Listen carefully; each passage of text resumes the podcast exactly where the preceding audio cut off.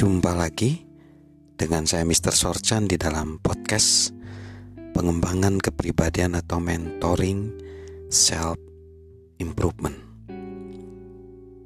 Tema kita saat ini adalah pesan-pesan yang disampaikan oleh karakter.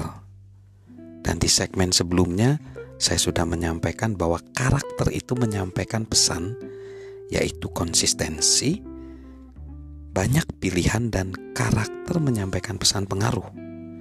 Kita tiba di yang keempat. Karakter menyampaikan umur yang panjang. Karakter menyampaikan umur yang panjang. Jika ingin jika ingin tahu berapa lama waktu yang diperlukan untuk mencapai puncak kesuksesan, kita dapat melihat kepada kalender.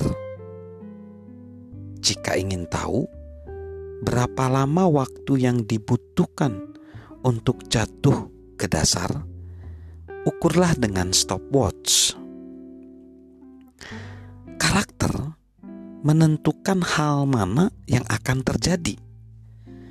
Impian akan hancur, peluang menghilang, organisasi runtuh, dan orang akan terluka ketika seseorang tidak mempunyai karakter yang melindungi talentanya. Karakter menyediakan peluang umur panjang dalam karir, hubungan, dan tujuan bermakna apa pun. Penulis dan pastor G.R. Miller menulis, satu-satunya hal yang dikenang orang yang berkabung dan tidak dapat dikuburkan adalah karakter manusia. Itu benar. Jati diri seseoranglah yang membuatnya bertahan hidup. Karakter tidak dapat dikuburkan.